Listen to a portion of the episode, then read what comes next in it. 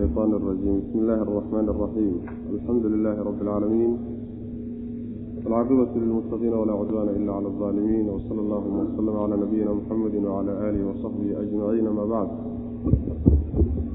ويقول سبحانه وتعالى تلك حدود الله ومن يطع الله ورسوله يدخله جنات تجري من تحتها الأنهار خالدين فيها وذلك الفوز العظيم ومن يعص الله ورسوله ويتعد حدوده يدخله نارا خالدا فيها وله عذاب مهين waxaan ku soo dhex jirnay tafsiirkii suuratu annisaa waxaa darsigeenu cawa ka bilaabanayaa aayadda saddex-iyo tobnaad waxaan ku soo dhex jirnay oo xalay soo laga soo hadlay qaabka iyo qorshaha loo qaybinayo dhaxalka loo qaybinayo. Markuu meydku dhinto xooluhu ka tago sidii loo qaybin lahaa.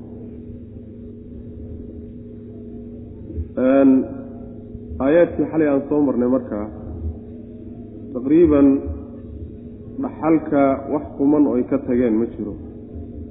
Intiisii badnaa way sheegeen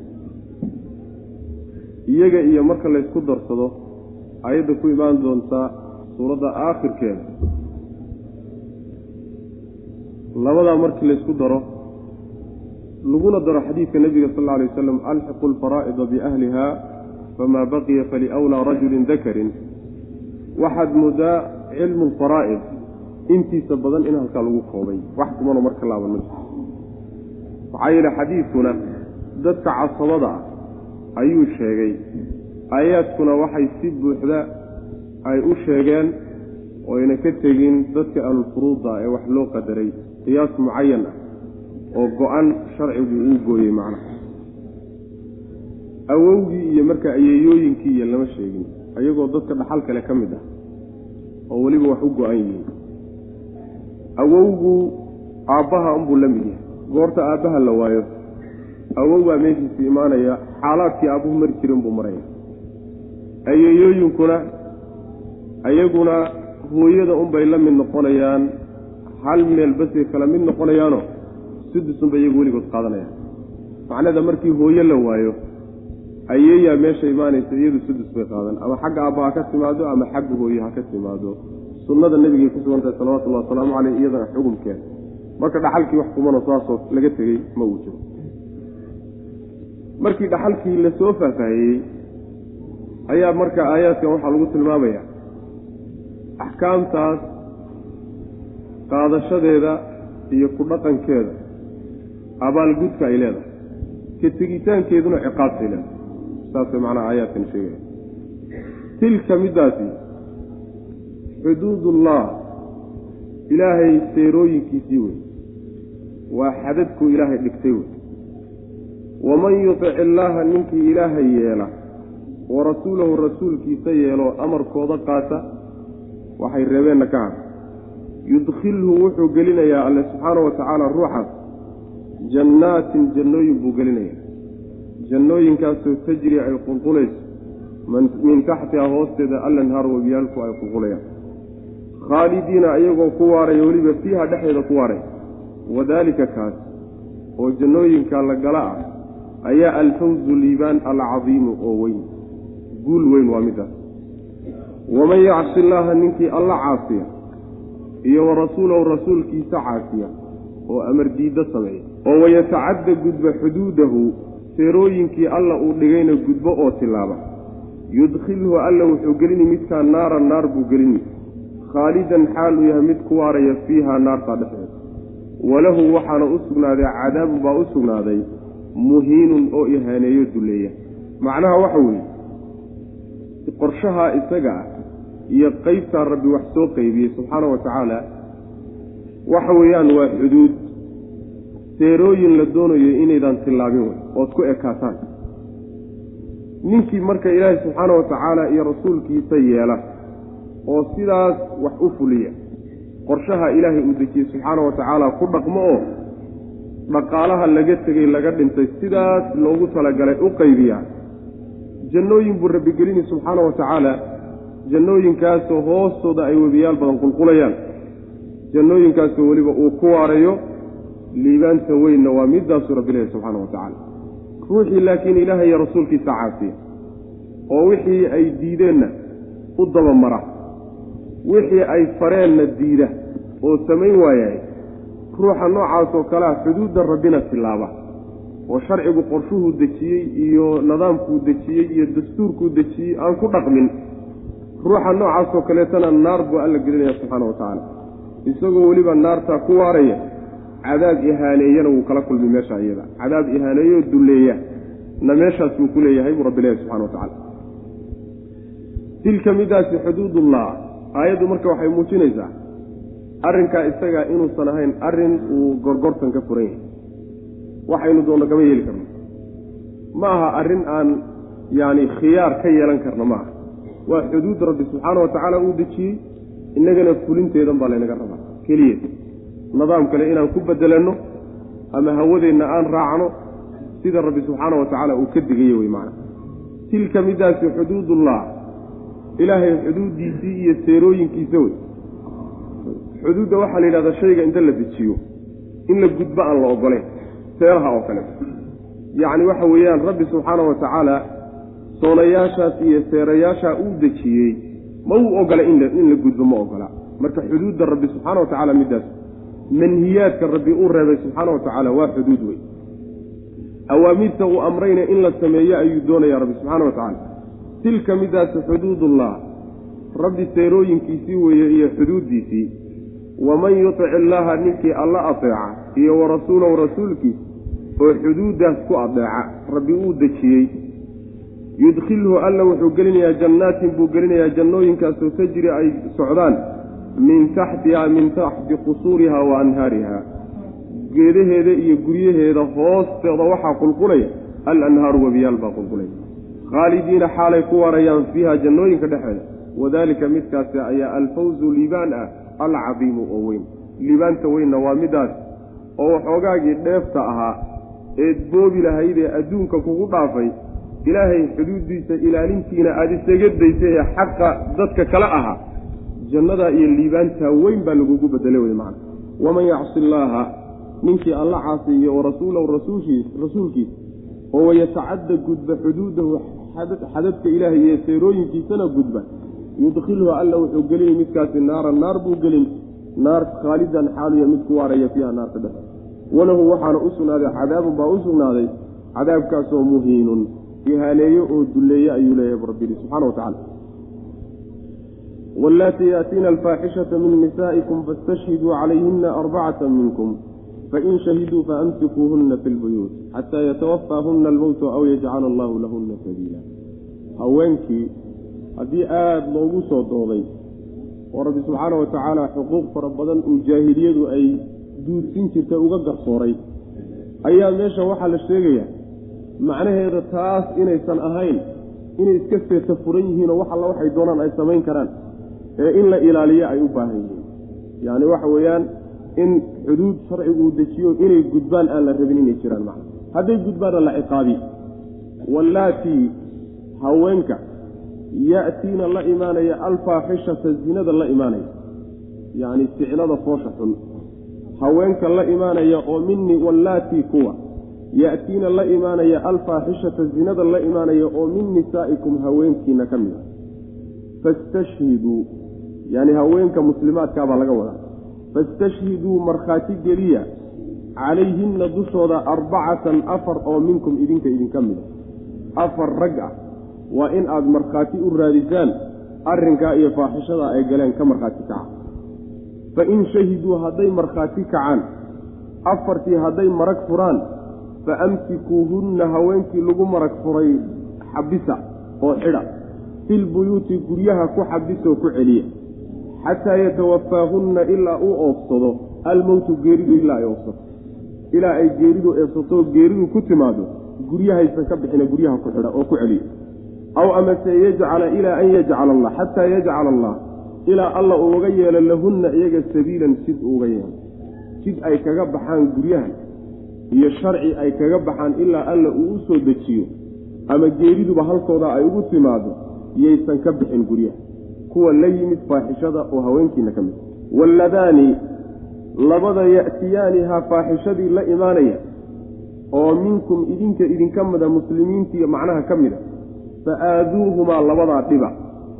Fa in taabaa hadday towbad keenaan oo soo laabtaan oo ka noqdaan dembigii oo wa aslaxa ay dhaqankoodiiyo camalkooda hagaajiyaan wixii hadda ka dambeeya fa acriduu ka jeedsada canhumaa xaggooda dhibka ka daaya ina allaha alle kaana wuxuu ahaaday tawaaban midkii towbad aqbal badan raxiiman oo naxariis badan oo addoommadiisa u naxariis badan buu ahaa. Labadan aayadood waxay soo degeen. Sharciga yacni sadrulislaam bay soo degeen. Islaamka qeybtiisii hore ayay soo degeen waxayna ka hadlayaan faaxishada iyo zinada bay ka hadlayaan zinadu xadda ay leedahay.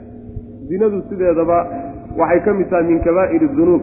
Dunuubta teeda waaweyn bay ka mid tahay. Waxayna keeni kartaa haddii aan layska jirin waxay keeni kartaa in bulshada iyo mujtamaca bashariga oo dhan inuu macnaha waxa weeyaan xididkiisu go'o oo firkiisu baaba'o. Maxaa yeelay ibni aadamku wuxuu ku jiraa guurku ku jiraa. Guurkaas markii laysguursado ilmaha meeshaa yimaada ilmo aabba iyo hooyo xanaaneeyo leh oo u naxariisto oo nafaqadooda iyo maradooda iyo ka murga leh bay noqonayaan haddiise la yidhahdo sida xayawaanka un inta laysu boodo ha laga dhaqaaqo ma ujeeda dib dambanayaan laysu arkin. Meeshii carruur baa imaanaysa. Carruur hadday timaadana wax xanaanaa ma ay helayaan. Xanaana hadday waayaanna waa baaba'ayaan. Ibni aadamka tarankiisi baa meeshaa ku baaba'ay sidaa daraaddeed taranka ibni aadamka iyo nasliga si loo ilaaliyo yuu rabbi subxaana wa tacaala zinada xad ugu dhigay. Xaddaasaa loo samey marka zinada marka sharcigu waxay ka mid tahay axkaamta loo markii la xarimayey tartiib loo maray. Yacni si tadriiji ah si kala dambaysa ayaa loo xarimay. Taxriimkeedu xaaraan buu ahaa laakiin xuduudda iyo ciqaabta loo soo dejiyey baa macnaha kala dambaysay markii hore ciqaab fudud baa la soo dejiyey oo xogaa xadimaa tan dambe ka fudud. Gadaalda uga bixi karaan. Ama geeri inay ku timaado oo meydkeedii guriga laga saaro oo qabri lala raadsado. Ama ma ahe inuu ilaahay subxaana wa tacaala jid kaloo ay kaga baxdo u soo dejiyo oo jidkaa marka ay kaga baxaysaayo wuxuu noqonayaa sharcigoo laga bedelo.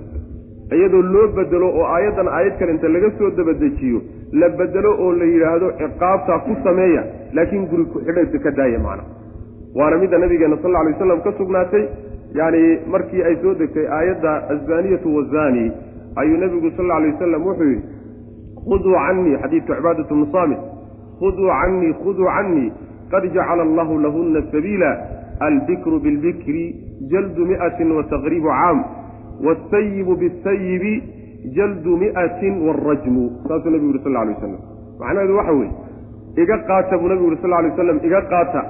Ilaahay jid buu u yeelay kuwii lagu xidhay guryaha lagu xidhay.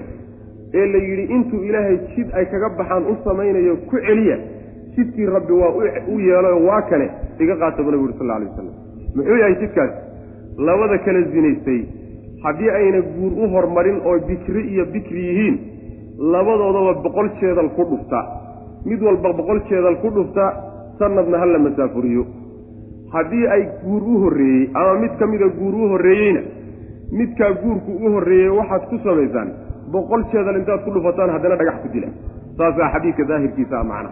Marka waxa weeye jidka rabbi u sameeyey subxana wa tacala middaa iyadaa wey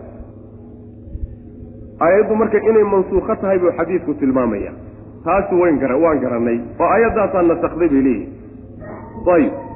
Middan dambe ee walladaani ya'tiyaanihaa minkum ayadana taa hore unbaa la raacinaya oo waxay leedahay aayaddu labada la yimid zinada la yimid oo idinka idinka mid ah dhiba. Dhiba labadaas waa ninkii haweenaydii haddii ay macnaha tawbad keenaan oo ay wanaajiyaan camalkoodii iyo dhaqankoodii wixii intaa ka dambeeya ka jeedsada oo dhibka ka daaya. Maxay yihiin marka labadan dambe? Taa hore garannay haweenkii zinada la imaanayay intaan xaddu soo degin xaddu zina intaysan soo degin waxaa lagu ciqaabi jiray guryaha lagu xabisi jiray oo lagu celin jiray inta ilaahay subxaana wa tacaala faraj uga furay. Ayib. Labadan dambe marka maxay? Yihin mufasiriintu waa isku khilaafsan qaar waxay leeyihiin laba aayadda hore waxaa laga wadaa haween oo dhan. Haweenta hadday zino la timaado labada kale zinaysatay. Hadday macnaha haweenka ama muxsanad ha ahaato oo guur ha u horreeyo ama gabadh aan guur u horreynin ha noqotee haween oo dhan ciqaabtoodu waxay ahayd yacni in markii lagu markhaati kaco kadib guryaha lagu xabiso ma ujeeda raggana aayadda hor macnaha aayadda hore haweenka ka hadlaysa qaybta guur u horreysa iyo qaybtaan u horreyma hadday zinaystaan. Tan dambena waxay ka hadlaysaa walladaanidaas raggay ka hadlaysa. Oo ragga zinadu ka dhacday labadantadaasi ama muxsan ha ahaado guur ha u horreeyo ama yuusan u horraynine labadoodaba ciqaabtana iyagana ku sameeyey oo ciqaabtoodu maxay tahay? Waxa weeyaan dhiba. In la dhibo oo macnaha waxa weeyaan afka laga dhibo oo la canaanto oo la guulguulo oo la dhaleeceeyo oo sidaas way macnaha. Kuwaas macnaha ragga ana sidaa ku sameeyey alladaani marka waxaa labada looga dhigay bay leeyihiin muxsan wa hayra almuxsan labadaasa macnaha raggii baa laba oho midna guur baa u horreeyey markuu sinaysanayo midna guur uma horreynina haddaaba macnaha waxa weeyaan yani nin dhallinyaro a wey nin dhallinyaro a wey macnaha barbaara sidaas wey labadoodaba yacni dhiba. Dhibkaasaa marka waxaa la leeyahay ama waxoogaa tacsiir baa laga wadaayo in kabaha iyo lagu garaaco waxoogaa ul yar lagu yara dhuftiyo saasaa laga wada afka in laga dhaleeceeyo la ceebeeyana iyadana qaalbaa qaar baa sheegaya macnaha sidaasay mufasiriinta qaarkood leeyihiin oo aayadda horena waa haweenkii oo dhan muxsanaadkii iyo hayru muxsanaadkii aayaddan dambena waa raggii zinadu ka dhacday muxsankii hayru muxsankii. Saas daraaddeed baa ladaani laga cabiray taasi waa tafsiir wey qole waxay leeyihiin aayadda hore oo xabisa odhanaysa rag iyo haweenba waa isku jiraan waana qoladii guur u horreysay. Qoladii guur u horrayso rag iyo haweenba leh ayaa aayadda hore isku jira. Xukumkoodu waxa weeye iyo xaddoodu in guryaha lagu xabiso oo raggi xataa waa ku jira tan dambana maxay ka hadlaysaa? Labadii bikrada ahaa ee haween ama haweenaadan ama rag ha ahaade. Labadaas iyaga guryaha lagu xidh maaye laakiin waxa weye waa la dhaleecayn oo waa la dhibi. Markii la dhiba kadibna waxa waa la iska sii daynaya. Sidaana mufasiriinta qaar ka mida ayaa qaba. Tafsiir kaloo saddexaadna waa jira iyo mid afraadba macna. Qaar waxaa jira xataa waxa weeyaan kuti ku idlaaqaya aayaddan dambe odhanaya waxaa laga wadaa yacni labada liwaadku ka dhacay yacni laba nin oo ishaweensamay sidaasaa macnaha laga wadaa baa la leeyahay iyaga ha la dhibo sidaana macnaha tafsiir kale wey tafaasiir noocaasaa ku jira macnaha. Almuhim waxa weeye labada aayadoodba haddii ay zine ka hadlayaan iyo hadday liwaad ka hadlayaanba labada aayadoodba waa mansuuq wey maxaa yeelay xad macruufuu rabbi u soo dejiyey. Subxaana wa tacaala liwaadkana xad baa loo soo dejiyey in la dilo. Ka samaynaya ka lagu samaynayaba waa xadiista nebiga cadaysay salawatullahi wasalaamu caleyh saxiixa. Zinadana fii suurati nuur baan ugu tegi doonaa insha allahu tacaala xuduudda ilaahay u dejiyey subxaana wa tacala hadday qoladaasi zinaysatay guur u horreeyey iyo hadduuna guur u horreyninba labadoodaba halkaasaan ugu tegi doonaa. Xuduud inuu alla u dejiyey subxana wa tacala wallaatii haweenka ya'tiina wallaatii kuwa ya'tiina la imaanaya alfaaxishata midda foosha xun la imaanaya ee zinada ah oo min nisaa'ikum haweenkiina ka mid ah. Nisaa'ikum waxaa loogu loogu bayaaninaya hadday mu'minaad yihiin way. Haween muslimaad hadday yihiin way. Oo meesha waxaa ka baxay hadday masalan kitaabiyaad yihiin macnaha waxa ay gaala yihiin taasaa ka baxaysa laleeyahy oo min nisaa'ikum haweenkiina ah fastashhiduu markhaati geliya calayhinna dushooda arbacatan afar oo minkum idinka idinka mid. Afartaasi waa inay lab yihiin. Waxay inoogu imaan doontaa insha allahu tacala fii suurati nuur afar nin waa in ay ka markhaati kacaan. Labadan ruux markay kala sinaysanayaan weliba mudutuul iyo waxbaa ii muuqmuuqday iyo lama ogolee waa inuu si cad nin walba indhaha ugu dhufto.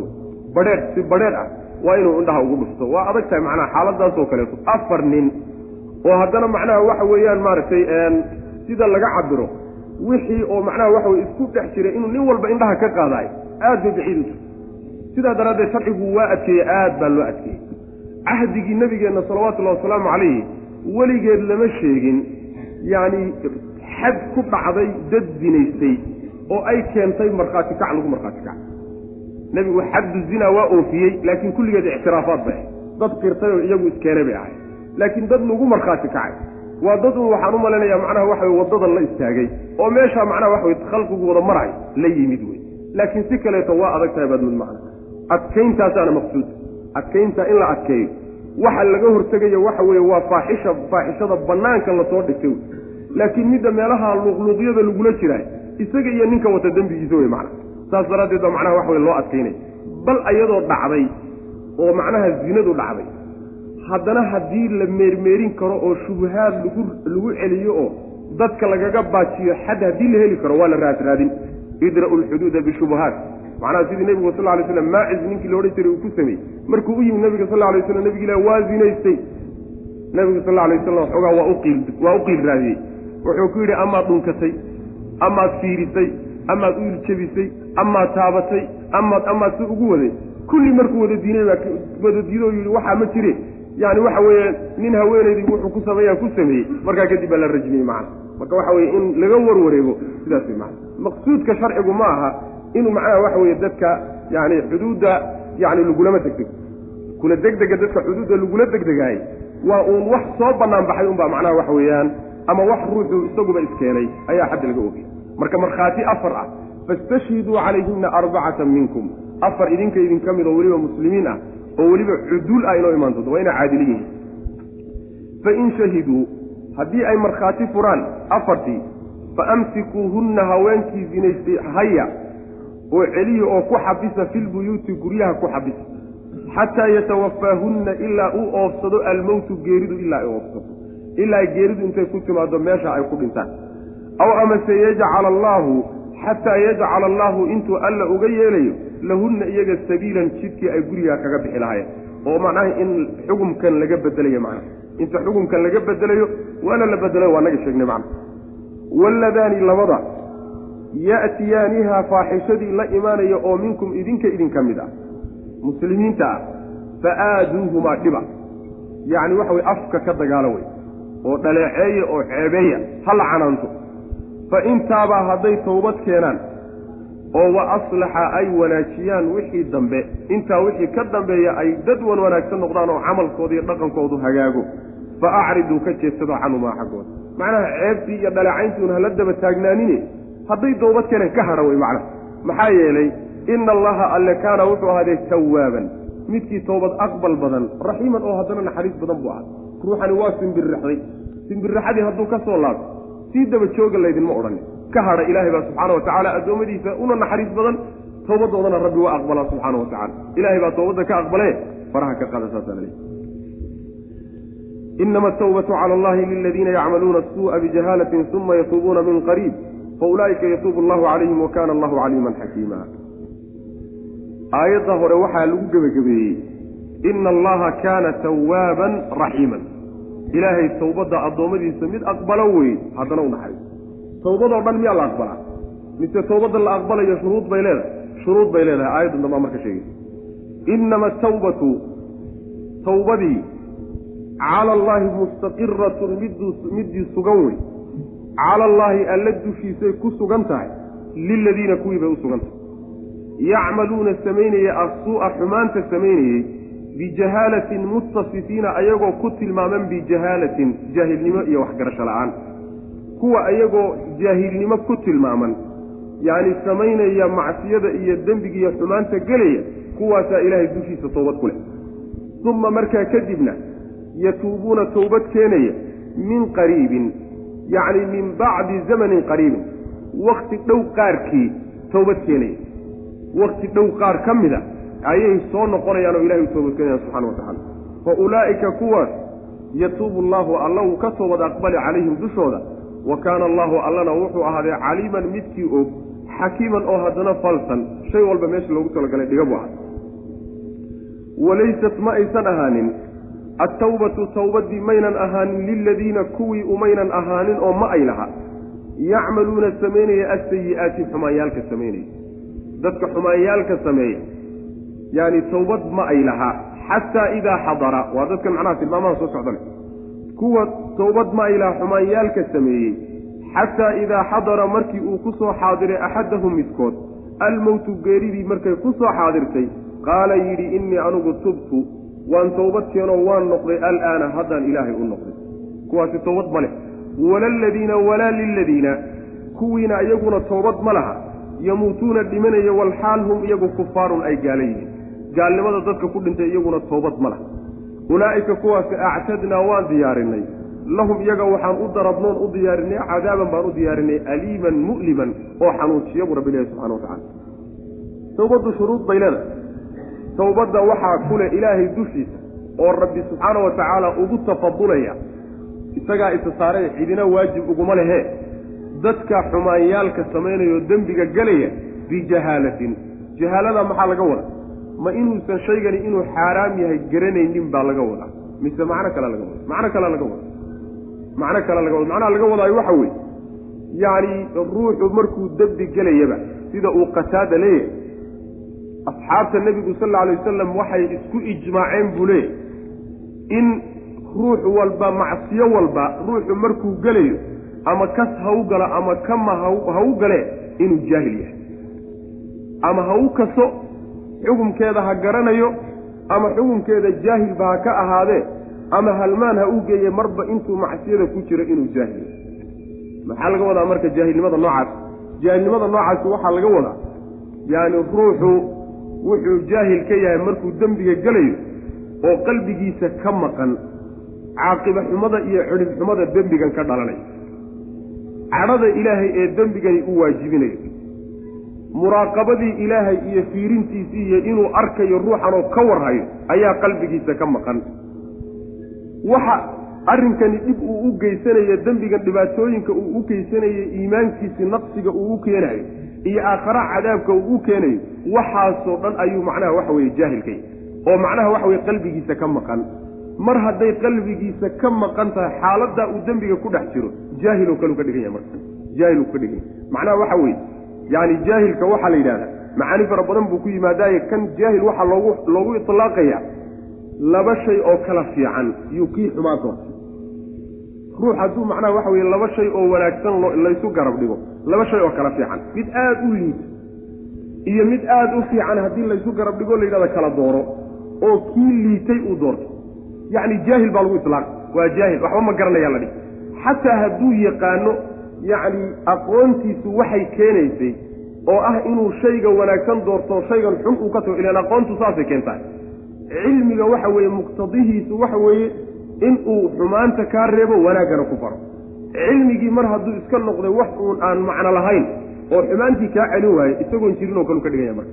Jaahil saasaa marka loogu itlaaqaya. Ee macnaheedu ma aha inuusan xukumka mas'alada garanin hadduu xataa xukumka mas'alada garanayo oo uu ku dhaco ku simbirraxdo jaahil wey macna. Sidaasaa tafsiirka aayadda laga wada macna wa ilaa hadduusan xukumka mas'alada garanaynin oo uu sidaa ku sameeyo inay u bannaan tahayba uu moodayey diintana uusan aqoon u lahayn oo jahli uu ku xambaaray. Markaasi waxa weye waaba macduurba. Dembiba markaa ma fuulayaba. Ee middantadaasa waxa weeyaan dembigu uu fuulayo loosa dhaafi doono. Waa haddii uu ku galo isagoo garanaya laakiin waxa weeye uu ku simbirraxdo yacni jahaaladana waxaa loogu tilmaamaya qadarkii rabbi subxaana wa tacaala iyo waxankadaas ayuusan qadarin iyo oqoontii uu lahaa macna. Waxay ka dhigan tahay sida nebigeenu sal alay wasalam uu yidhi oo kale laa yazni zani xiina yazni wahuwa mu'min walaa yasriqu saariqu xiina yasriqu wahuwa mu'min ruuxa zinaysanaya markuu zinada ku dhex jiro oo uu zinaysanayo iimaan kuma jiro qalbigiisa ruuxa saariqee waxadaya markuu waxadayo xatooyada uu ku dhex jiraayo yacni qalbigiisa iimaan waa ka maqaya wa ilaa hadduu qalbigiisa iimaan ku jiraayo wuxuu ka celin lahaa dembigan uu ka celin lahaa saas wey macnaheedu marka saasaa laga wadaayo ruux alla ruuxii dadka xumaanta samaynaya ayagoo macnaha shaygaa isaga a jahaalo ay u geysay oo jaahilnimo ku dheehan oo qadarkii waxani uu lahaa ay jaahil ka yihiin rabbi wuxuu ka mudnaana jaahil ay ka yihiin aqoontoodu waxay keenaysayna jaahil ay ka yihiin jahaalada noocaasa wixii xumaanta ku galaay markaa kadibna min qariibin ka soo laabo min qariibka waxaa laga wadaa wakhtiyada soo socda qaar ka mida oo dhow wakhtiyada soo socda qaar ka mida oo weliba dhow ka soo laabo kuwaa ilaahay baa ka tawad aqbalaya subxana wa tacala jahaalada marka garanay.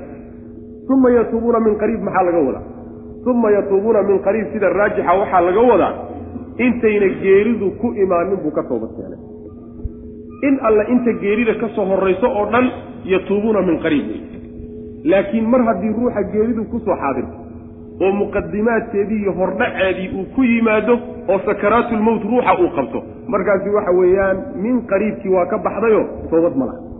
Sida xadiidka nebiga sal alla alay waslam ku sugan yani ina allaha yaqbalu tawbata alcabdi maa lam yuqarqir ilaahay towbadda addoonka uu aqbali intaysan macnaha waxa weye qarqarisadu qabanin. Oo naftu aysan macnaha waxa weeye yaani ayna bilaabin inay baxdo. Inta ka horraysaba ilahay towbadda waa ka aqbalaya subxana wa tacala marka min qariibinta waxaa laga wadaa intaysan geeri ku soo xaadirin.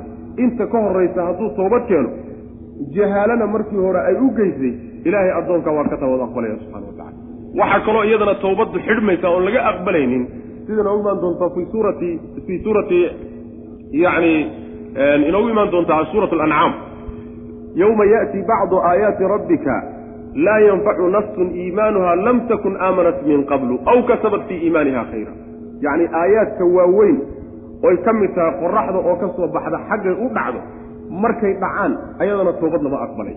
Labadaa goor bay toobaddu xidhmaysaa marka min qariibinta taasaa laga wada macna. Waxaa kaleeto mufasiriinta qaar ka mida ay sheegayaan min qariibinta oo axaadiista nebigana ku soo aroortay sal alay wasalam mar walba oo wakhtigaad towbad keenayso dembiga wakhtigaad samaysay uu ku dhow yahay waa fiicanya oo toobadda aadan sii dibdhigin macna nebiguna sal alla alay waslam xadiis saxiixuu ku sheegaya addoonku markuu dembiga galo rabbi malaa'igta dembigaa qoraysa ayuu u sheegayaa inay lix saacoo soo socoto dembigaa ka dambaysa inaysan waxba qorin qalinka inay kor u hayaan. Hadduu soo laabto waxbaba la qori maayo. Hadduu soo noqon waayo lixdaas saac gudahooda markaasaa la xariiqaya macna oo la qoraya marka mar walba oo uu dhow yahay waktiga toobadkeenku u dhow yahay dembiga waktigaad gashay waa ka sii fiican ya macna. Kuwaa ilaahay baa ka toobad aqbalaya subxaana wa tacaala dad aan towbad lahayn baa marka meesha lagu sheegay. Yayihiin kuwaas waa kuwa intay dembiga galaan. Dembigii iskaga dhex jiraya kana soo noqonaynin ilaa ay geeridu ku timaado. Ilaa ay geeridu ku timaado. Markay geeridu ku timaado ayaa wuxuu odhanayaa innii tubtu alaana. Haddaan ilaahay uu toobad keenayaa oon soo noqonay. Sidii fircoon oo kale falamaa adrakahu algaraqu qaala aamantu annahu laa ilaaha ila aladii aamanat bihi banuu israa'iil wa ana min almuslimiin markaasuu bilaabay. Markii inta dhinacyaha lagaga yimid uu yaqiinsaday in nafta laga qaadayo ayuu markaas yidhi haddaan toobad keenaya ilaahay baa ilaahay reer banuu israa'iil ay rumeeyeen baan rumeeyeyo. Isaga mooyaane mid kaloo xaqa inuusan jirin baan qiraya maa warkaasi war soconaya maa yaani waxa weye marka lagugu yimaado oo ciqaabta ilaahay geeridii iyo muqadimaadkeedii horudhaceedii uu kugu yimaado goortaa toobad lagaa aqbalima waxaa kaloon toobad laga aqbalin ruux hadduu gaalnimo ku dhinto hadduu gaalnimo ku geeriyoodana furashadana laga madax furashana laga qaadi maayo. Towbad iyo ilaahu haddaan soo noqonayaana laga yeeli maayo. Labadaa xaalaba towbad layska aqbali maayo macana inama tawbatu tawbadii cala allaahi mustaqiratun. Yacni waa bannaan tahay inama tawbatu cala allaahi liladiinadaasaa khabarkiiya macna. Cala allaahidana waxay ku tacalluqaysaa liladiina jaariya majruurka mutacallaqi ayay ku tacalluqaysaa macna. Inama tawbatu tawbadii mustaqiratun waa mid uun sugan cala allaahi alla dushiisay ku sugantaho isagaa addoommadiisa isu saaray. Liladiina kuwii bay u sugan tahay yacmaluuna samaynaya assuu'a xumaanta samaynaya bijahaalatin muttasifiina ayagoo ku tilmaaman bay jahaaladaas ayay samaynayaan dembiga. Bijahaalatin aqoon la'aan iyo garasho la'aan ayagoo ku tilmaaman. Yacni waxa weeye waa anagii sharaxnayo jahaaladaa lagama wado shayga xukumkiisii bay jaahil ka yihiin. Qadarkii iyo waxaan waxa ka dhalanayay jaahil ka yihiin iimaankoodaa macnaha daciifiy uma markaa kadibna yatuubuuna towbad keenaya min qariibin min bacdi zamaanin qariibin. Wakti dhow qaarkii ayay toobad keenayaan. Wakti dhow oo ka dambeeya markaa qaar ka mid a ayay toobad keenayaanoo qaarkaasi waa qaarka ka horreeya yacni qarqarisada ka horreeya wey. Fa ulaa'ika kuwaasi yatuubu allahu alla wuu ka toobad aqbali calayhim dushooda wa kaana allahu allana wuxuu ahaaday caliiman. Midkii ogsoon ayuu ahaaday yacni cidda toobad toobadkeenku daacadda ka xakiiman oo haddana falsano shaygu meeshuusan ku habboonayn ma dhige shay walba booskiisuu rabbi dhigaa subxaanahu wa tacaala. Marka shuruuddu intaa keliya mee shuruud kaleetay towbaddu leedahay.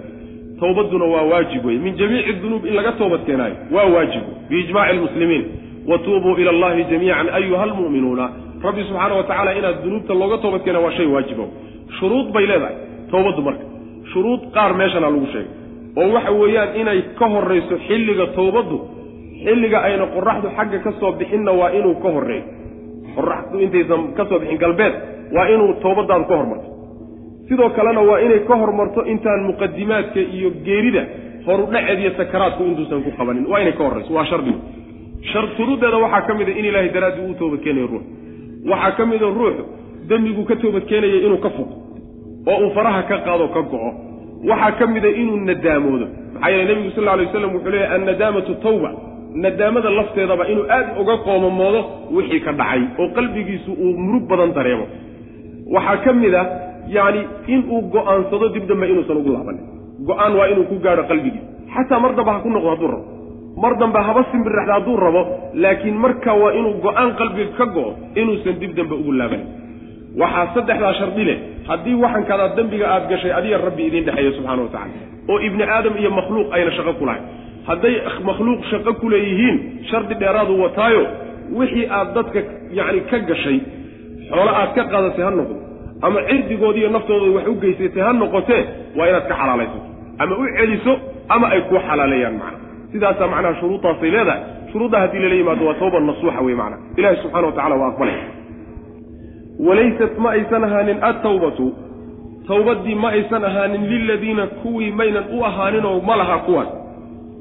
Liladiina kuwii uma ahaanin yacmaluuna samaynaya asayi'aati xumaanyaalka iyo dunuubta samaynaya xataa idaa xadara markuu ku soo xaadiro xataa idaa xadara oo markuu ku soo xaadiro axaduhu axadahu midkood almowtu geerida ay ku soo xaadirto. Qaala markaa kadib odhanaya innii anugu tubtu waan noqday oo waa toobad keenay alaana haddaan toobad keenay macnaa haddaan toobad keenaya waa markay geeridu ku timi. Kuwaasi toobad ma lah walaladiina walaa liladiina kuwiina toobad uma sugnaanin. Yamuutuuna dhimanayey walxaal hum iyagu kufaarun ay gaala yihiin gaalnimo ruuxay ku dhintay isaguna toobad ma lah ulaa'ika kuwaas actadnaa waan diyaarinay. Lahum iyaga waxaan u diyaarinay cadaaban baan u diyaarinay. Aliiman mu'liman oo xanuujiyaan u diyaarinay bu rabbilahi subxana wa tacala yaa ayuha aladiina aamanuu laa yaxilu lakum an tarituu nisa'a karha wla tacduluuhuna litadhabuu bibacdi ma aataytumuuhuna ila an yaatiina bifaaxishati mubayina wacaashiruuhuna bilmacruuf aayaddanna waxa ay ka hadlaysaa iyadana xuquuqdii la duudsiyey ee jaahiliyadu ay duudsiday ee haweenka laga duudsiyey xuquuqdii qaybo ka mid a ayay iyaduna u doodaysaa yaa ayuha aladiina kuwa aamanuu rumeeyeyow laa yaxillu ma bannaana lakum idinka idiinma bannaana an tarisuu inaad dhaxashaan annisaa'a haweenka inaad dhaxashaan. Karhan mukrihiina idinkoo qasbay. Qasab iyo sandullo inaad ku dhaxashaan haweenka idiinma bannaana walaa tacduluuhunna walaa an tacduluuhunna. In aad celisaanood u diiddaan guurkana idiinma bannaana litadhabuu si aad ula tagtaan ood u qaadataan bibacdi maa aataytumuuhunna. Waxaad siiseen qaarkii. Meerkaad siiseen qaar ka mida si aad uga qaadataan darteed inaad haweenkii u ceshataanna idinma bannaana. Ilaa an yaatiina inay la yimaadaan mooye bifaaxishatin. Zino mid foolxun inay la yimaadaan mooye. Mubayinatin oo cad. Yacni mid foolxun oo weliba iska cad inay la yimaadaan mooye. Si kaleeta idinkuma bannaana inaad uga qaadataan. Wa caashiruuhunna la macaamulooda oo la dhaqma bilmacruufi si wanaagsan ula dhaqma. Yacni sida sharcigu yaqaanee ogol yahay sidaa kula dhaqma. Fa in karihtumuuhunna haddii aad karaahaysataan haweenkii aad qabteen oo wuxun aad ku karaahaysataan fasbiruu iska dulqaata. Fa casaa waxaa laga yaabaa an takrahuu inaad nacdaan shay-an wax inaad karaahaysataan oo wayajcal allaahu allana uu yeelo fiihi shaygaa dhexdiisa khayran khayr inuu yeelo laga yaaba katiiran oo fara badan. Shay inaad karaahaysato khayrku iyo dantu yacni wanaag iyo maslaxaduna isaga ku jirtaa laga yaaba aayaddu marka waxay ku soo degtay jaahiliyadii hore sida bukhaari iyo keyrkii ay warinayaan ibnu cabbaas laga warinayo jaahiliyadii baa waxay ahaan jireen dhaqamadoodii xunxumaa waxaa ka mid ahaa haddii midkood uu dhinto oo xaas uu ka dhinto xaas uu ka geeriyoodo ninka dad ugu dhow wiilkiisa ama walaalkii dadka noocaasoo kale ah ayaa imaanaya haweenaydii laga geeriyooday ayaa markaa calal xun oo karina intuu qaado yuu dusha kaga tuuri suu u soo ordayo yuu calal xun oo karina buu dusha kaga tuuraya islaanta. Saa macnaheedu waxay astaan u tahay inuu haweenaydaa dhaxal ahaan isagu u leeyahay. Haweentii marka saasuu ku dhaxlaya isagaa yeelanaya sida addoon uu leeyahay oo kale noqonaya markuu marka ay ku soo wareegto isaga ayuu marka wuxuu samaynayaa haddii ay quruxsan tahay ooy xoolo leedahay wuxuu samaynayaa wuu guursan. Hadduu guursadona meher ma uu siinaye aabbihii meherkuu ku qabi jiray ee uu uu siiyey kaasuu ku guursanaya. Yacni kaasaa meher u ah haddii uusan u bogin oo uu inuu guursado uusan jeclaanina wuxuu samaynayaa ama nin alla ninkuu doonuu u guurin oo uu meher kaga qaadani. Macnaha wuu iibsan un waay intuu iibsadoo nin kale u guuriyo yuu meher ka qaadanaya. Ama wuxuu samaynayaa intuu cid walba u diido oo guur oo dhan u diido yaa markay intay weynaato iska geeriyootuu xoolaheeda dhan qaadanaya. Sidaasay ku samayn jireen haweenka.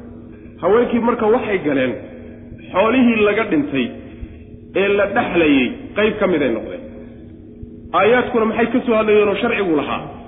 War iyagaa xoolahan ka wax ku leh oo dhaxalkay wax ku leeyihiin dhaxalay wax ku lahaadaan iska dhaafa iyagii baaba dhaxalkii la dhexgeliyey wax la dhaxlayba noqdeenba tii baa marka rabbi subxaana wa tacala uu reebay. Aayadda qaybteeda hore taasay ka hadlay. Walaa tacduluuhunna litadhabuu bibacdi maa aataytumuuna sharcigu marka waa diiday haweenkii qasabaa ku dhaxlin halay qasab haweenkaa ku dhaxlin waxaa kaloo iyadana jirtay oo aayadda walaa tacduluuhunna litadhabuu bibacdi maa aataytumuuhunna.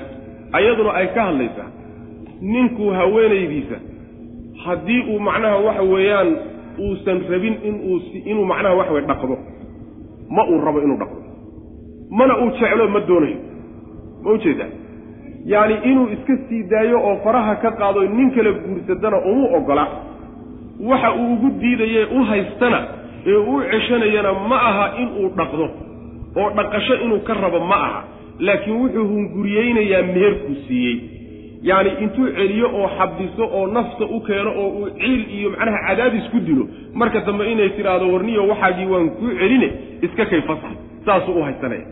Jaahiliyadu waa samayn jirtay sidaana ha yeelina baa la leeyahy haweenkii ha cadaadinina oo ha dhibina oo ha u haysanina oo keliya in aad wixii aad siiseen oo meher ahaa hunguri idinka hayiyo inay idiin soo celiyaan darteed ha u ceshanina. Haddaad ceshanaysaan oo haysanaysaan waa inay noqoto inaad xaasnimo iyo reernimo iyo awlaad iyo dhaqasho inaad ka damacsantihin laakiin inaad u ceshataan keliyata hunguri kaa haya ha kuu soo celiso waxay ku siisay waxay kaa qaadato sidaa ha u haysanina haweenka oo ha u dhibina macna.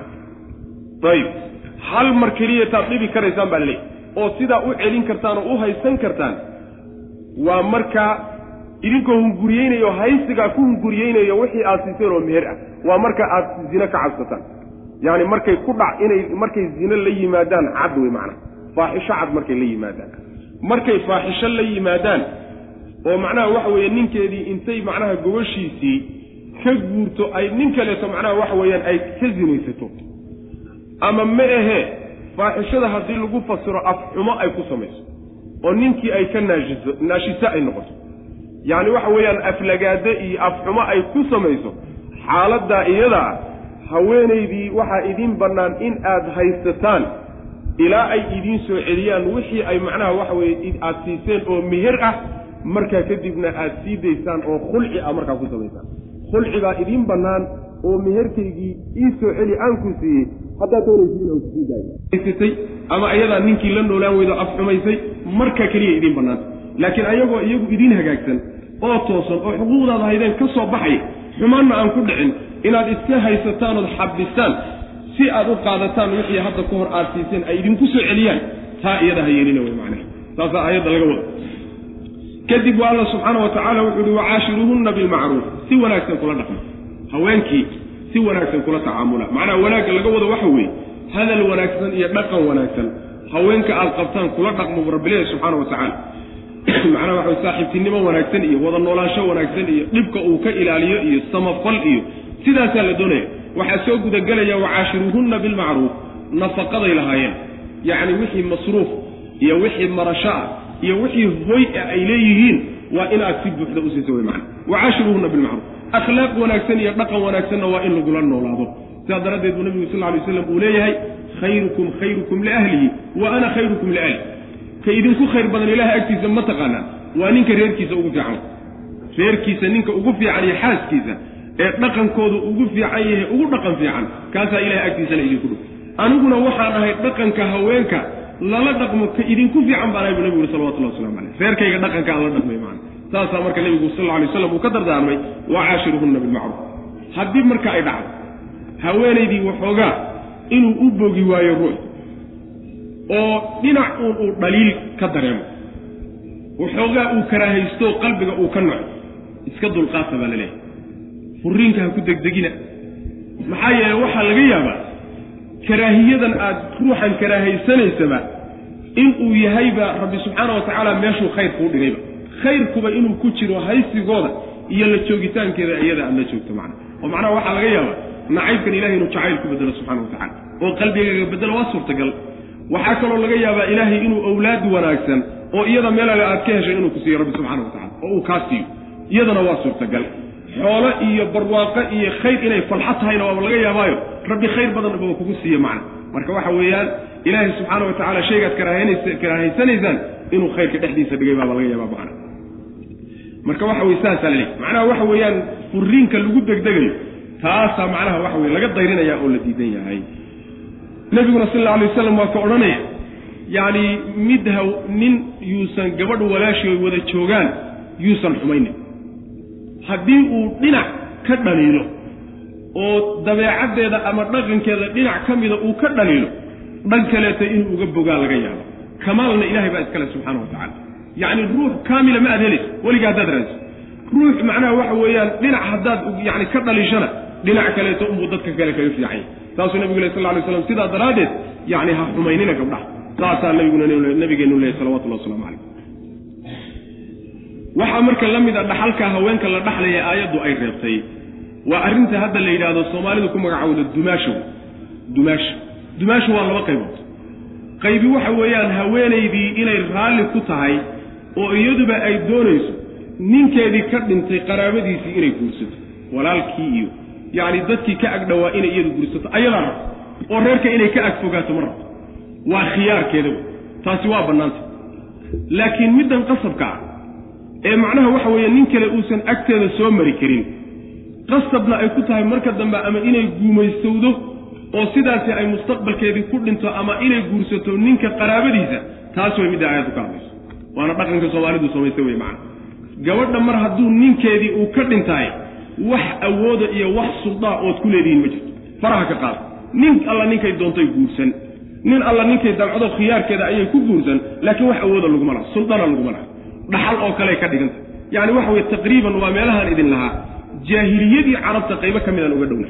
Sidaas wey macana. Haweenkii dhaxal la siiye iska badaaye ayagiibaa wax dumaan la yidhahdo lagu samayno khiyaarka dhan inta laga qaado yaa meel lagu cuyuyoobay marka dambe waxay ku qasban tahay mid macnaha inkaani ku dhacdoo la keri waayo islaamo oo dhan ay ka quusteen in marka caasha loo geliye macna.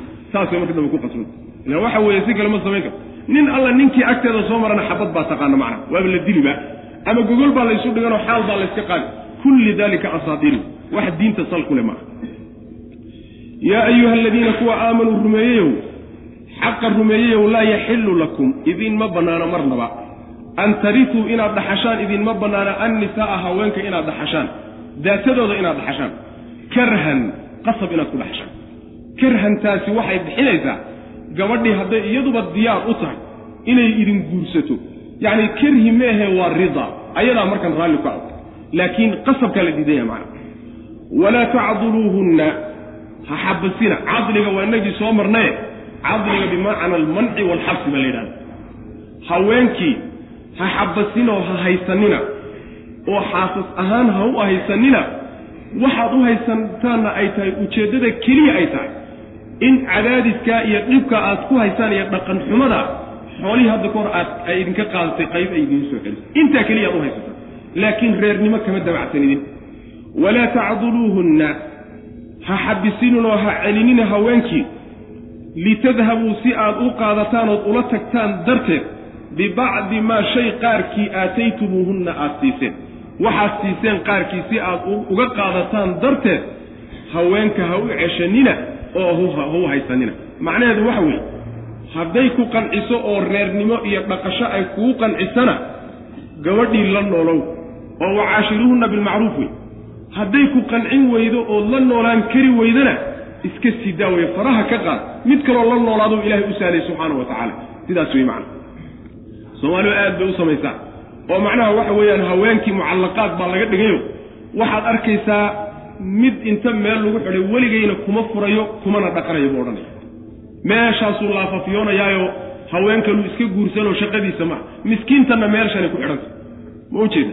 Taasoo kaleeta way midday aayaddu diidanta haddii la wada noolaan waayo gabdhaha la iska sidaayo haddii la wada noolaan karana wacaashiruhunna bilmacruuf si wanaagsan ha lagula dhaqmo rabbi leeyahay subxana wa tacala laakiin sida addoommadii oo kaleeto in loo haystaay oo suldadan ilaahay ragga u dhiibay furitaanka iyo guursiga inaan si xun u adeegsanna awooddaasi rabbi uguma talagelin subxana wa tacala saas wey walaa tacduluuhunna haweenkii ha ha celininoo ha xabisina litadhabuu si aad ula tagtaan oo u qaadataan bibacdi maa shay qaarkii aataytumuuhunna aad siiseen oo meherkii ah. Ilaa an yaatiina inay la yimaadaanba mooye bifaaxishatin mid foolxun oo mubayinatin cad oo markaa waxaa idiin bannaan in aad ceshataan ood xadhigga ku haysaan oo aad cadaadisaan ilaa ay macnaha khulci sameeyaanoo meherkii intay idiin soo celiyaan sidaa aad ku sii daysaan macna waa markay xaggooda faaxishadu ka timaado wey oo faaxishada maxaa loola jeedaa marka? Mufasiriinta mucdamkoodu waxay leeyihiin zina laga wado. Hadday gabadhii zine ku dhacdo oy zinaysato ninkii islaamnimo iyo xaasnimo markaa meesha uma joogtee iisoo celi meherkii unbuuhi marka meherkii iisoo celi. Waxaa u bannaan wuu iska sii dayn karaa meherkana waa iska dayn karaa. Waxaa kaloo u bannaan in uu ceshado oo uu haysto ilaa ay isku furato meherkii hadda ka hor uu siiyo ilaa an yaatiina bifaaxishatin mubayina waxaa kaloo culimmadu ayadana leeyihiin faaxishada waxaa soo gudagelaya. Ayadana macnaha waxa weeyaan aflagaadada iyo dhaqan xumada haweeneyda ka timaada oo xuquuqdii ninkeedu kala ku lahaa haddii ay ka soo bixi weydo naashizo noqoto. Naashize hadday noqoto markaa iyadaa iyadana waxaa u bannaan ninkii inuu u haysto oo cudhaadh ahaan u haysto ilaa ay isku furato wixii hadda ka hor ay ka qaadato meherkiia. Markii ay ka qaadato kadibna uu iska sidayn macna. Si labadaa macnaha xaaladaa keliya ayay idiin bannaan. Laakiin iyagoo idiin wanaagsan oo iyaga xaggooda xuquuqdoodii ka soo baxay inaad ku xadgudubtaan middaa way midda la diidanya macna la dhaqma haweenkii bilmacruufi sida la yaqaanay wanaagsan kula dhaqma. Wanaagga sharcigu ogolyahay kula dhaqmo oo mucaamalo iyo dhaqan wanaagsan kula dhaqma. Fain karihtumuuhunna haddii aad karaahaysataanood haweenkii aad nacdaan fasbiruu iska dulqaat dulqaato oo yacni furitaan markaba ha kula degdegina. Fa casaa waxaa laga yaabaa an takrahuu inaad nacdaan shay-an shay inaad nacdaan baa laga yaabaa oo wayajcal allaahu allana uu yeelo fiihi shayga aad nacdeen khayran khayr u yeelo khayrkaasoo kaiiran fara badan. Macnaha waxa weeyaan rabbi baa meesha maslaxadu ku jirto oge adigu ma ogida iska dulqaada intaad dulqaadan karto. Ma goorta dulqaadku suurtogeli waayo oo ay isa soo xidhaan jidadkii dulqaadka oo dhan markaasuu rabbi marka dalaaqa jideeyey macna. Wain aradtum istibdaala zawjin makaana zawjin waaataytum ixdaahunna qintaara falaa ta'khuduu minhu shay-an ata'khuduunahu buhtaanan wa isman mubiina haweenka meherkii la siiyey ee ay qaateen ragga hunguriyeynaya ayaa loo diidan yahay oo diidadii baa la sii adkaynaya marka. Waa lagu sii adkaynaya wain aradtum haddii aad damacdaan oo doontaan istibdaala zawjin xaas inaad beddelataan. Makaana zawjin xaas kale booskii haddaad doontaan inaad ku beddelashaan mid horood qabteen intaad furtaan. Tu kale inaad ku soo bedelataan ood guursataan haddaad doonaysaan oo wa aataytum aad siiseen walxaal qad aataytum aad siiseen ixdaahunna middood waa tii la furahaye qintaaran xoolo aad u fara badan hadda ka hor aad siiseen falaa ta'khuduu ha qaadanina minhu xaggiisa qindaarkaa xaggiisa shay-an waxbana ha ka qaadanina taa aad sii daynaysaan xoolihii faraha badnaaye hadda ka hor aad siiseen wax yarna ha ka qaadanina ataakhuduunahu miyaad qaadanaysaan midkaa isaga ah buhtaanan xaal uu dulmi yahay iyo wa isman dembi mubiinan oo cad. Isagoo dulmi iyo dembi cad ah miyaad qaadanaysaan buu rabbi yidhi subxaana wa tacaala. Waa weliba waa la sii daba socdaa. Wa kayfa sideebaad ta'khuduunahu u qaadanaysaan midkaa walxaal qad afdaa uu gaadhay bacdukum qaarkiin ilaa bacdin qaarka kale uu gaadhay. Idinkoo jidhkiinnu isgaadhay ood istaabateen ood isku dhex darmateen sideebaad wixii yaraa u hunguriyeynaysaa. Oo wa akhadtum aad qaadeen walxaal qad akhadtum aad qaadeen walxaal qad akhadna ay qaadeen gabdhihii minkum xaggiinna ay ka qaadeen miisaaqan ballan haliidan oo la adkeeyey. Ballan adagna uu idin dhex marayo oo guurkii iyo macnaha waxa way caqdigii ah. Seebaad marka wixii yaraa u hunguriyeynaysaan aad gabdhaha furuujtooda ku bannaysateen ayib. Aayaddu marka waxay ka hadlaysaa ninbaa wuxuu damcay haweenay inuu furo. Tu kalena inuu guursado.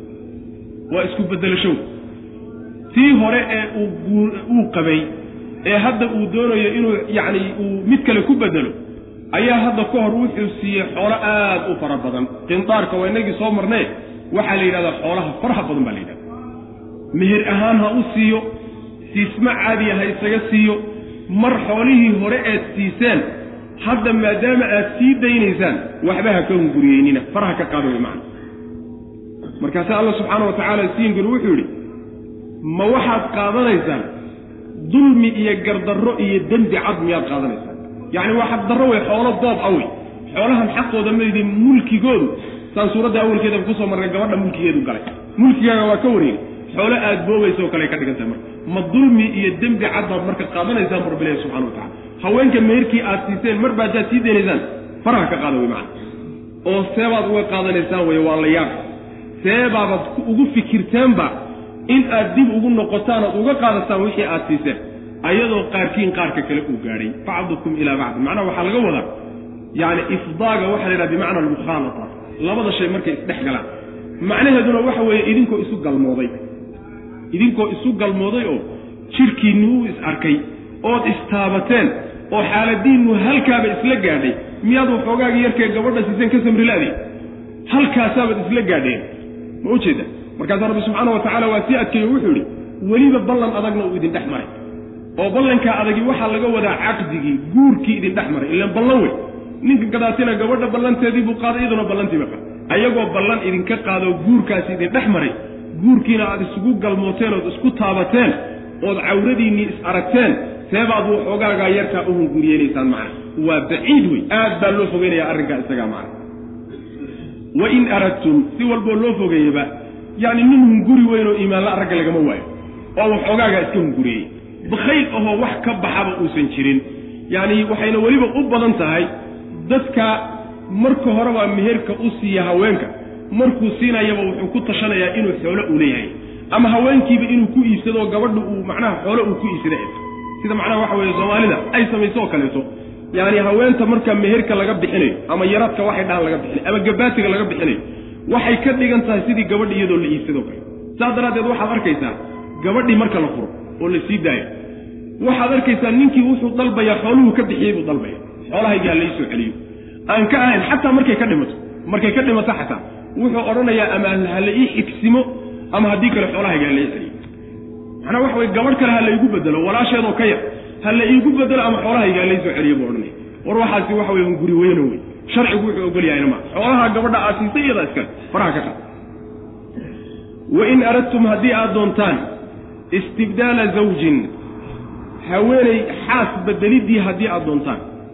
Makaana zawjin haweeney kale iyo xaas kale meeshiisii aad ku bedeladaan booskiisii aad ku bedeshaan. Oo middanaa xaas ku ahayd intaad sii dayso tu kale booskeed inaad soo geliso. Saa haddaad rabtaan walxaal qad aataytum aad siiseen ixdaahunna middood waata la sii daynaye qintaaran xoolo aad u fara badan aad siiseen falaa ta'khuduu ha qaadanina. Minhu qintaarka xaggiisa shay-an wax yarna ha ka qaadanin.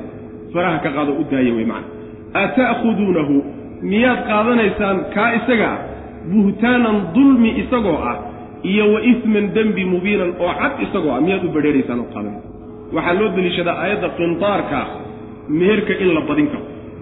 Meherka in xoolo aad u fara badan haweenka in meher looga dhigi karaa ayay kutusaysaa baa laleeyahy maxaa yeelay qintaarka xoolaha faraha badan baa la yidhahdaa sidaa ha ahaato way iska bannaan tahay. Laakiin nabigeennu sal alla alay waslam aad wuxuu ummadda ugu tirtirsiyey inta meherka la yarayn kara in la yareeyo oo gabdhuhu meherkooda aad u yareeyaan macna bal wuxuu sheegay haweenka kuwa ugu khayr badan kuwa ugu meher yar inay yihiin sidaas way macna laakiin waa bannaan tahayo. Haddii ninkiiyo gabadhu isku afkartaan meherkaa faraha badan wax dhiba ma jiro macna wa kayfa sideebaad ta'khuduunahu aad u qaadanaysaan kaa isaga. Ah walxaal qad afdaa uu gaadhay bacdukum qaarkiin ilaa bacdin qaarka kale uu gaadhay. Idinkoo jidhkiinnu isgaadhay wey oo aad istaabateen ood isu galmooteen seebaad uga qaadanaysaan. Oo wa akhadna ay qaadeen minkum xaggiinna miisaaqan ballan ay idinka qaadeen haliidan oo adag oo caqdigii ah. Sidii nabigeennuba u yidhi sal alay waslam fa inakum akhadtumuuhunna biamaani illah wastaxlaltum furuujahunna bikalimati illah yacni furuujtooda waxaad ku banaysateen kelimada ilahay baad ku banaysateen oo kelimadaasoo macnaha caqdigiiya macnaha culimmada qaarna waxay leeyihiin aayaddaynu soo marnay altalaaqu marataani fa imsaakun bimacruufin aw tasriixun biixsaan ayaa macnaha laga wadaa wa akhadna minkum miihaaqan haliida ama si wanaagsan u sii daaya ama si wanaagsan u haya macna. Wa akhadna ay qaadeen minkum xaggiinna miihaaqan idinka qaadeen haliidan oo adag. Ifdaaga marka asalkiisa waxaa la yidhahdaa mukhaaladada la yidhahdaa saan sheegnayba ibnu cabbaas iyo keyrkii laakiin waxay leeyihiin jimaaca laga wadaa. Galmada laysu galmoodo. Oo markii gabadha loo galmoodo buu meher ku waajibaya waa inagii soo marka haddii aan lalaba aqalgelinba in aysan meher u waajibaynin haddaan meherkaa horay loo magacaabin xaggaan ku soo sheegnay macna fii suurati albaqara. Marka ifdaaga iyo galmada ayaa meherka waajibinaysa macna. Sidaasaa ibnu cabbaas iyo keyrkii ay leeyihiin culimmada qaar ka mida mufasiriinta iyo fuqahadu waxay leeyihiin ifdaagan galmo keliya ma ahe xataa haddii uu taabto ama xataa guri uu kula cidloobo oo khulwo uu la galo oo meel gooniya labadoodu ay isugu galmoon karaan ay isla galaan xataa ayadana ifdaagi way noqonaysaabay qaarkood leeyihiin macna. Walaa tankixuu maa nakaxa aabaa'ukum min annisaai ila ma qad salafa inahu kana faaxishatan wamaqtan wasa'a sabiila. Halkaa markii ilaahi subxaana wa tacaala uu u dooday haweenkii xuquuq fara badan oo runtii waxa weeyaan laga yacni laga qaatayna. Uu soo riday rabbi subxaana wa tacala uga garsooray. Ayaa halkan waxaa laga hadlayaa oo aayaadkani ka hadlayaan yacni haweenka la guursan karo. Haweenka la guursan kariyo haweenkaan la guursan karin haweenka inta aadan geyin ee guurkoodu uusan kuu bannaanayn baa aayaddu sheegaysa. Wixii intan ka soo hadhayna markaa kadib macnaha waa kuu bannaan tahay. Aayaadkana ka hadli walaa tankixuu ha guursanina maa haween ha guursanina maa shay nakaxa ay guursadeen aabaa'ukum aabbayaashiin kuway guursadeen ha guursanina oo min annisaa'i haweenka. Waxay aabbayaashiin guursadeenoo haweenka ah ha guursanina ilaa laakiinse maa shayga qad salafa hormaray falaa isma calayh. Ama fa huwa cafwun canhu waa mid laydiin dhaafay. Wixii hormaray oo hadda ka hor intaan laydinka xarimin horay u dhacayoo jaahiliyadii jiray ilaahay waa idinka dhaafay innahu midkaas guurkaa la guursado aabbaha xaasaskiisa la guursaday kaana wuxuu ahaaday faaxishatan mid aada u foolxun. Yacni aad buu u foolxun yahay oo naftaa ka dida wa maqtan mid cadha'a buu ahaaday oo alla cadhadiisa keena. Wa saa'a wuxuu xumaaday sabiilan jid ahaanna wuu xumaaday. Jidkaasina waa jid aada u xun. Jidka yacni la ceebaynaya ee si gooniya loo dhaleecaynaya waa guurkaa jidkiisa wey macnaha. Guurkaa la guursado aabbuhu macnaha haweenka uu ka dhintay. Aayaddani marka waxay tilmaantay haweenka aabbahaa guursaday in aysan bannaanayn guurkooda. Sinaba uma bannaana. Waxay ka mid tahay ooy mid ka tahay. Yacnii haweenka aan la geyin ee muxaramaadka ah qaarka ka yimaada xagga xididka.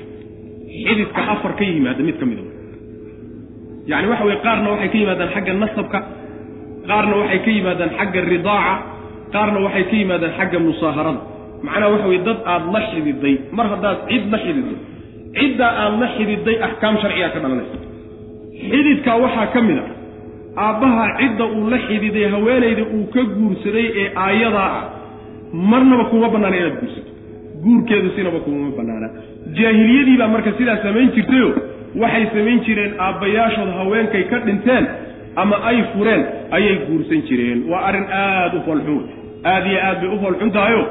Gurigii aabbaha u galmooday ee uu ka guuray u dabamar aad iyo aad bay u foolxunta naftu waxay ka dida weeye faaxishatan baa lagu tilmaamay subxana wa tacala waana maqti iyo cadho allay soo jiidaa waana jid aad iyo aad u xun buu rabbi ku tilmaamay subxana wa tacala walaa tankixuu ha guursanina maa shay ha guursanina nakaxa ay guursadeen aabbaa'ukum aabbayaasha waxaa la mid ah awowyada ilan awowga aabba waa la yidhahdaa saan soo sheegnay.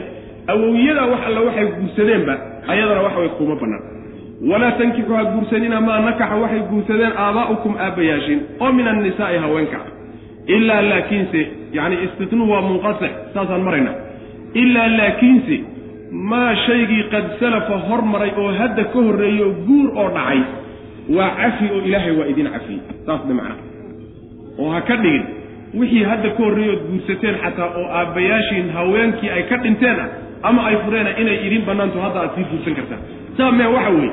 Dembigii hadda ka horreeyey oo taxriimkan ka horreeyey waa cafwi oo ilahay waa idin dhaaf. Ilaa laakiinse maa qad salafa.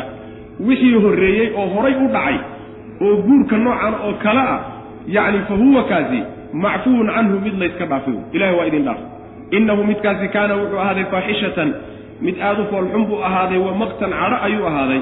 Yacni cadho alla ayuu sabab u yahay. Wasaa-a waxaana xumaaday sabiilan jid ahaan buu u xumaaday midkaa isagii. Xurimat calaykum ummahaatukum wa banaatukum wa akhawaatukum wa cammaatukum wa khaalaatukum wa wa wa ummahaatukum allatii ardacnakum halkan waxaa laga guda galay haweenka qaybtoodii kale. Tii aabba uu guursaday ama awow guursaday baa la sheegay kuwii kalea meesha laga galay xurimat waxaa la xarimay calaykum dushiinna waxaa laga xarimay ummahaatukum.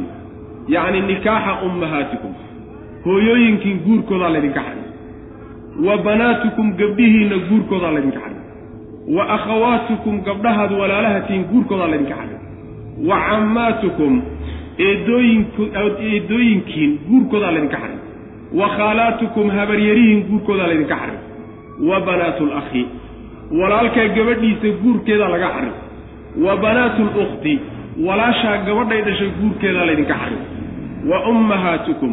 Hooyooyinkiin guurkoodaa laydinka xarimay. Allatii hooyooyinkaasoo ardacan allaatii hooyooyinkaasoo ardacnakum idin nuujiyey. Hooyada naaskeeda aada nuugteen ku dhalin. Middaa iyada ana guurkeedaa laydinka xarimay wa akhawaatukum gabdhaha aada walaalahatiinna guurkoodaa laydinka xarimay oo min alradaacati xagga nuugmada ka ahaa. Walaalaha aada naaska wada nuugteen ee aan kula dhalaninna ayagana waa laydinka xarimo guurkooda. Wa ummahaatu nisaa'ikum haweenka aad qabtaan hooyooyinkoodna hooyooyinkiin hooyooyinkoodna waa laydinka xarimay. Waa sodohihiinna sodohaha ayagana guurkoodaa laydinka xarimay.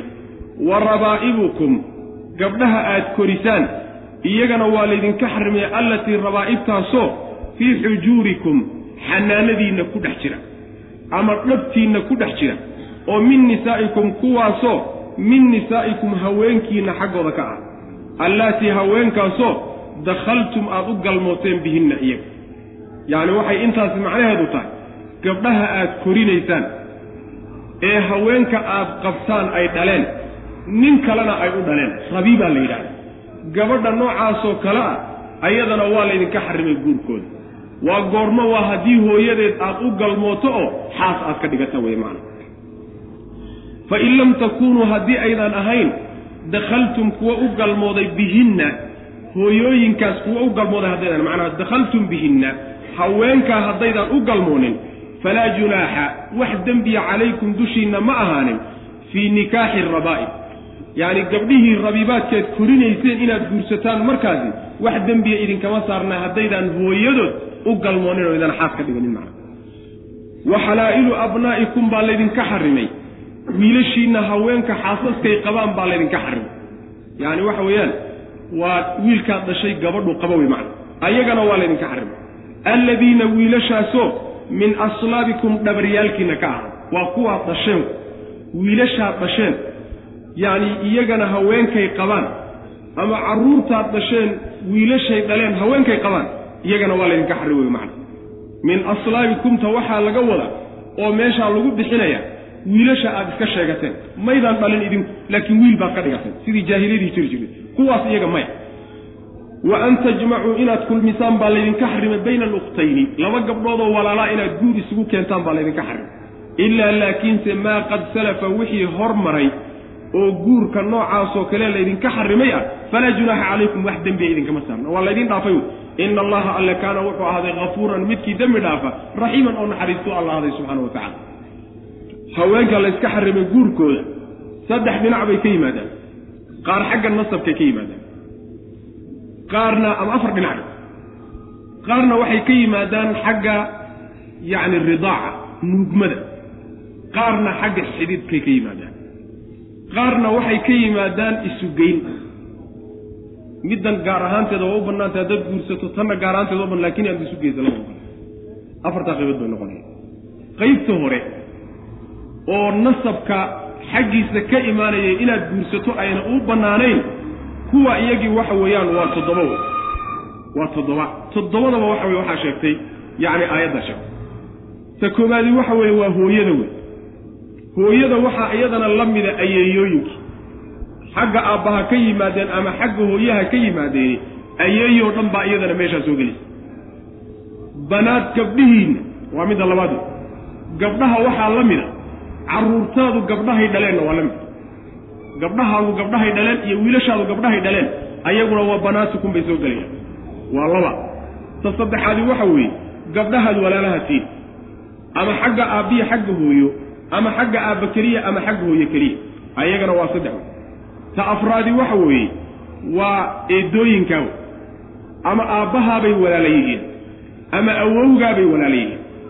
Labadaba eedooyin baa la yidhahda camaad baa la yidhahda ayaguna xaaraam wey. Ta shanaadi waxa weeyaan habaryarahaw oo ama hooyadaabay walaala yihiin ama meehe ayeydaabay walaala yihiin. Hooyadaa macnaha hooyadeed midda ay walaalaha yihiin xataa waxa weye waa habaryartaaw ayadana macnaha waxa weye guurkeedu ma bannaan. Khaala la yidhahdaa sharciga waxaa kaleeto iyadana lixaad yacni walaalkaa gabdhihiisa walaalkaa gabdhaha uu dhalay iyo wixii ka sii farcamoy sii dhalama ayadana ma bannaano guurkooda waxaa kaleeto oo toddobaad oo midda toddobaad ah walaasha gabadha aad gabdhaha aad walaalaha tihiin waxay iyaguna sii dhaleen tii hore walaalkaabay walaalkaa gabdhuhu dhalo tanna walaashaa gabdhahay dhalan gabdhahay dhasho wey macana ayagana macnaha kuma bannaana toddobadaasi waxay ka imaanayaan xagga nasabkay ka imaanayaan. Afarna waxay ka imaanayaan xagga xididkay ka imaanayaan. Afarta xididka ka imaanaya mid waa tii aan soo sheegnay oo aabbe xaaskiisa weye hooyada aan ahayn. Yacni waxa waa islaanta aayada awe aaye iyo eedana macnaha soomaalida qaar baa dha. Eedana qaar baa dha. Macnaha waxa weye waa islaanta aabbaha uu qabay un wey macna een hooyada ahayn. Taasi waa mid. Midda labaadi waxa weeye oo iyadana xagga xididka ah yaani wiilkaagu gabadhuu qabo waa midda labaad. Waxaa kaleeto iyadana macnaha meesha ku jirto iyadana soo gelaysa xaaskaagu gabadha ay dhashay. Xaaskaagu gabadhay dhashay shardi baa ku xidhan. Oo shardiga ku xidhani wuxuu yahay xaa hooyadaa aad guursatay waa inaad la aqal gasho ood macnaha waxa weeyaan xaas ka dhigata inta aadan la aqalgelin oodan xaas ka dhiganin haddii aad iska furtood iska sii dayso gabadhay dhashay waad guursan kartaa macnaha gabadhay dhashay waa aad guursan kartaa macnaha waxaa kaleeto iyadana soo iyadana midda afraad ee xagga ka imaanaysa macnaha xididka ah xaaskaaga hooyadeed islaanta sodohda kuwa ayadana ma aad guursan karin. Afartaa wey macna afartaasina xagga xididkay ka imaanayaan. Toddobana iyaguna waxay ka imaanayaan xagga ridaacay ka imaanayaan. Oo ridaaca waxa weeye nuugmada soomaalidu aad uma taqaano macnaha waxa weeye ilmaha wuxuu nuugayaa hooye aan dhalin hooyadaas uu nuugay ee naaskeeda u nuugayey hooyadii oo kale noqonaysa. In alle inta ku xidhiidhana nasabka wax alla wixii xaaraam ku noqon jiray ee aan ku bannaanayn guurkoodu oo dhan baa macnaha waxa weeye aan ku bannaanayn. Hooyay kuu noqon iyadu. Gabadha naaska kula nuugtayna walaashaabay noqon. Ma u jeedaa walaashaabay noqonaysa. Hooyadaa ku nuujisay ayeyday middii dhashayna waxay kuu noqonaysaa ayeybay kuu noqon tay walaalaha ahaayeenna waxay habaryar bay kuu noqonaysaa kii irmaaneeyey islaantan ku nuujisay ee ninkeeda ahaana ee caanaha lahaana waxa aabbuu kuu noqonaya walaashiina waxay kuu noqonaysaa eedday kuu noqonaysaa wahaakada toddobada nasabka ka soo baxa toddoba la mid a ayaa ridaacana ka imaanaya macna xagga nuugmada ka soo baxay. Waa xagga macnaha qolyaha naaskooda la nuugay bay xurmadu faafaysa xaggiisa laakiin kan wax nuugay isagu xurmadu waxay ka faafaysaa carruurta ka farcantay keliya. Carruurta ka farcantay. Ayaa waxaan u bannaanayn guurkoodu hooyadii yacni waxa weeyaan nuujisay iyo aabbihii caanahaa lahaa kuwaas iyo wax alla wixii ka farcamay oo dhan carruurtu isagu dhalayna way soo gelayaan macna. Laakiin isaga dadkii dhalay iyo iyagu macnaha meesha ma soo gelaya. Saas wey macna. Halkaana macnaha toddobadaas ayaa ka soo baxaya oo nuugmada ah qolada macnaha waxa weye isugeynta ku xaaraam noqonaysana waxa weeye labada gabdhood ee walaalaha. Intaad mid qabto mid kale kuma banaana inaad guur isugu keento. Tan ilaa aad furtood sii dayso ta kale macnaha ma guursan karin. Waxaa kaleeto iyadana sunnada nebigu ay ku dartay axaadiistu ku dartay gabadha iyo habaryarteed guur laysuguma geyn karo gabadha iyo eedadeedna guur laysuguma geyn karin. Labadaana axaadiista nebiga ku daray salawatullahi wasalaamu caleyh sidaasay marka ay yani ku urursamayaan dadka aan bannaanayn guurkooda uusan bannaanayn aayaadku saasay ku ururiyeen macna xurimat waa la xarimay calaykum dushiinna waxaa laydinka xarimay. Wa ummahaatukum hooyooyinkiin guurkoodaa laydinka xarimay allaatii hooyooyinkaasoo ardacnakum idin nuujiyey iyo wa akhawaatukum walaalihiinna min alradaacati xagga nuugmada walaalaha aad ka tihin. Waa gabdhaha aad naaska wada nuugteen wey ee aad macnaha idin wada nuujisay halka hooyo. Ama iyadu ha dhasho xataa hadday dad kale ka yimaadeenoo laakiin ay idin wada nuujisay uun walaalaha walaalaha oo xagga nuugmaada macna. Idinma bannaana inaad kursadaan labadaa qaybood dadkaa laga sheegay. Waxaa kaloo soo gudagelaya gabdhihii ay dhashay. Waxaa soo gudagelaya eedooyinkii habaryarihii ayeeyooyinkii kulli. In alle intii toddobadii halkan aan ku sheegnayba waa soo gudagelaya waxaana lagu soo gudagelinaya xadiidka nebiga sal ly slam uu leeyahay yaxrumu min alridaaci maa yaxrumu min annasabi yacni ridaaca iyo nuugmadu waxay xarimtaa nasabku wuxuu xarimay. In alle intii haween ahaa unbuu macnaha ridaacuna nasibaya ayuu xarimaya iyo nuugmadu wa ummahaatu nisaa'ikum haweenkiina hooyooyinkood baa guurkooda laydinka xarimay. Macnaha waa sodohihii wey. Yacni gabadhaad qabto hooyadeed wey macna wa rabaa'ibukum gabdhaha aad barbaarisaan rabaa'ibtu waa jamcu rabiiba wey. Rabiibada waxaa la yidhahdaa haweenayda aad qabtee lagaaga horreeyey ilmaha gabadha ay dhashay baa rabiiba la yidhahda middaa guurkeedana waa laydinka xarimay wa rabaa'ibukum waxaa la yidhi fii xujuurikum. Xujuurta waxaa la yidhahda xajriga xijriga waa dhaba waxaa la dhabta la yidhahda asalkeeda. Waxaana laga wadaa xanaanadii xanaanadiinay ku hoos jiraano waxaa laga dhigayaa sidii iyadoo dhabta lagu hayo oo kaleeto yacni ilmaha dhabtaa la saara sooma fii xujuurikumta waxay ka dhigan taha marka xanaanadiisi nay ku dhex jiraan. Miyaa laga fahmayaa marka? Haddayna gabadhu anigaba ila noolayn.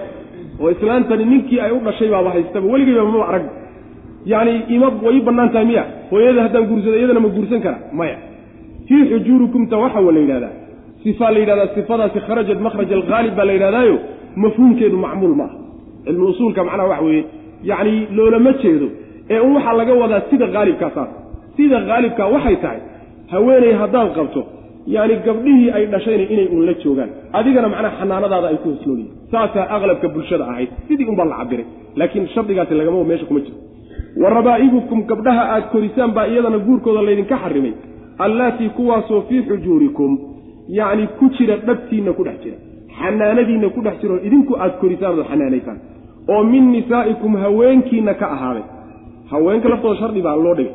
Allaatii haweenkaasoo dakhaltum aad u galmooteen bihinna iyaga. Fa in lam takuunuu haddaydaan ahayn dakhaltum kuwo u galmooday bihinna haweenkaasi falaa junaaxa wax dembiya calaykum dushiinna ma ahaani. Gabdhihii marka waad guursan kartaan shardigan dambe marka wuxuu u yaallaa uun. Yacni gabadha rabiibadaa guurkeeda gabadha rabiibada ah waxaad guursan kartaa hooyadeed haddii intaad caqdi ku xidho. Aadan la aqalgelin oo markaa kadib aad sii dayso ayadii waad guursan kartaa. Laakiin haddaad la aqal gasho ood xaas ka dhigato marnaba gabadhii xaaraan bay kaa noqonaysaa. Ma guursan karaysid macna. Shardiga saasaa loogu xidhay marka. Wa xalaa'ilu abnaa'ikum wiilashiinna haweenkoodaa laydinka xarimay. Wiilashiinna haweenka ay qabaanna waa laydinka xarimay. Waa gabdhaha aad sodohyada u tihin yacni ninku gabadha uu sodoga u yahay ma uu guursan karayo wey macna. Xalaa'ilu abnaa'ikum waa jamcu xaliila.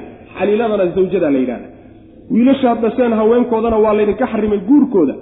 Alladiina wiilashaasoo min aslaabikum dhabaryaalkiina ka yimid. Idinku aad dhasheen macnaheeda lagama wado kuwii ay sii dhaleen ayaga haweenkay guur haweenka ay qabaani. Way idiin bannaan yihiin ma ahe waxaa laga wadaa kuwa aad dhasheen iyo kuway sii dhaleen idiinma bannaana maxay bixinaysaa marka min aslaabikum? Waxay bixinaysaa. Jaahiliyadii waxaa jiri jiray. Ninku wiil intuu iska soo qabsado rag kale ay dhaleen. Inuu iska sheegto o wiilkaygii weeye. Suuratu waxaan ugu tegi doonaa insha allahu tacala alaxzaab nebigu sal alay slam usaama ayuu wiil ka dhigtay. Soo saas mayn wiil buu ka dhigtay. Zayd baan ujeeda zayd zayd buu nebigu sal alay waslam wiil ka dhigtay. Marka saasaa jiri jirta wiilashaa marka aad iska sheegateen ayagu kuwa ay guursadeen iyo haweenkay guursadeeni waad guursan kartaane waxaa laga wadaa wiilasha idinka farcamay unbaa laga wadaa macana min aslaabi wa an tajmacuu inaad kulmisaan baa laydinka xarimay bayna alukhtayni labada gabdhood ee walaalaha inaad isu geysaan oo guur isugu geysaan. Waxaa la mida baa nidhi. Waxaa la mida baa nidhi macnaa gabadhiiyo habaryarteed iyo gabadha iyo eedadeed ayaa la mida macna oo xadiista nabigaa sheegay sal alay waslam ilaa maa qad salafa. Ilaa laakiinse maa qad salafa wixii hormaray oo horay iyo jaahiliyadii u dhacay ilaahay subxaana wa tacala idinma haysto wey macna falaa junaaxa calaykum wax dembiya idinma haysto. Ilaa iyadana istinaasi muqadcu ina allaha alle kaana wuxuu ahaaday hafuuran midkii dembi dhaafa ayuu ahaaday. Raxiiman oo naxariis sidaa daraaddeed wixii hore idinka dhacay rabbi idinku dhaafaya subxana wa tacaala wallahu aclam wsala allahuma waslm cala nabiyina muxamedi wcala alihi wasaxbi waslm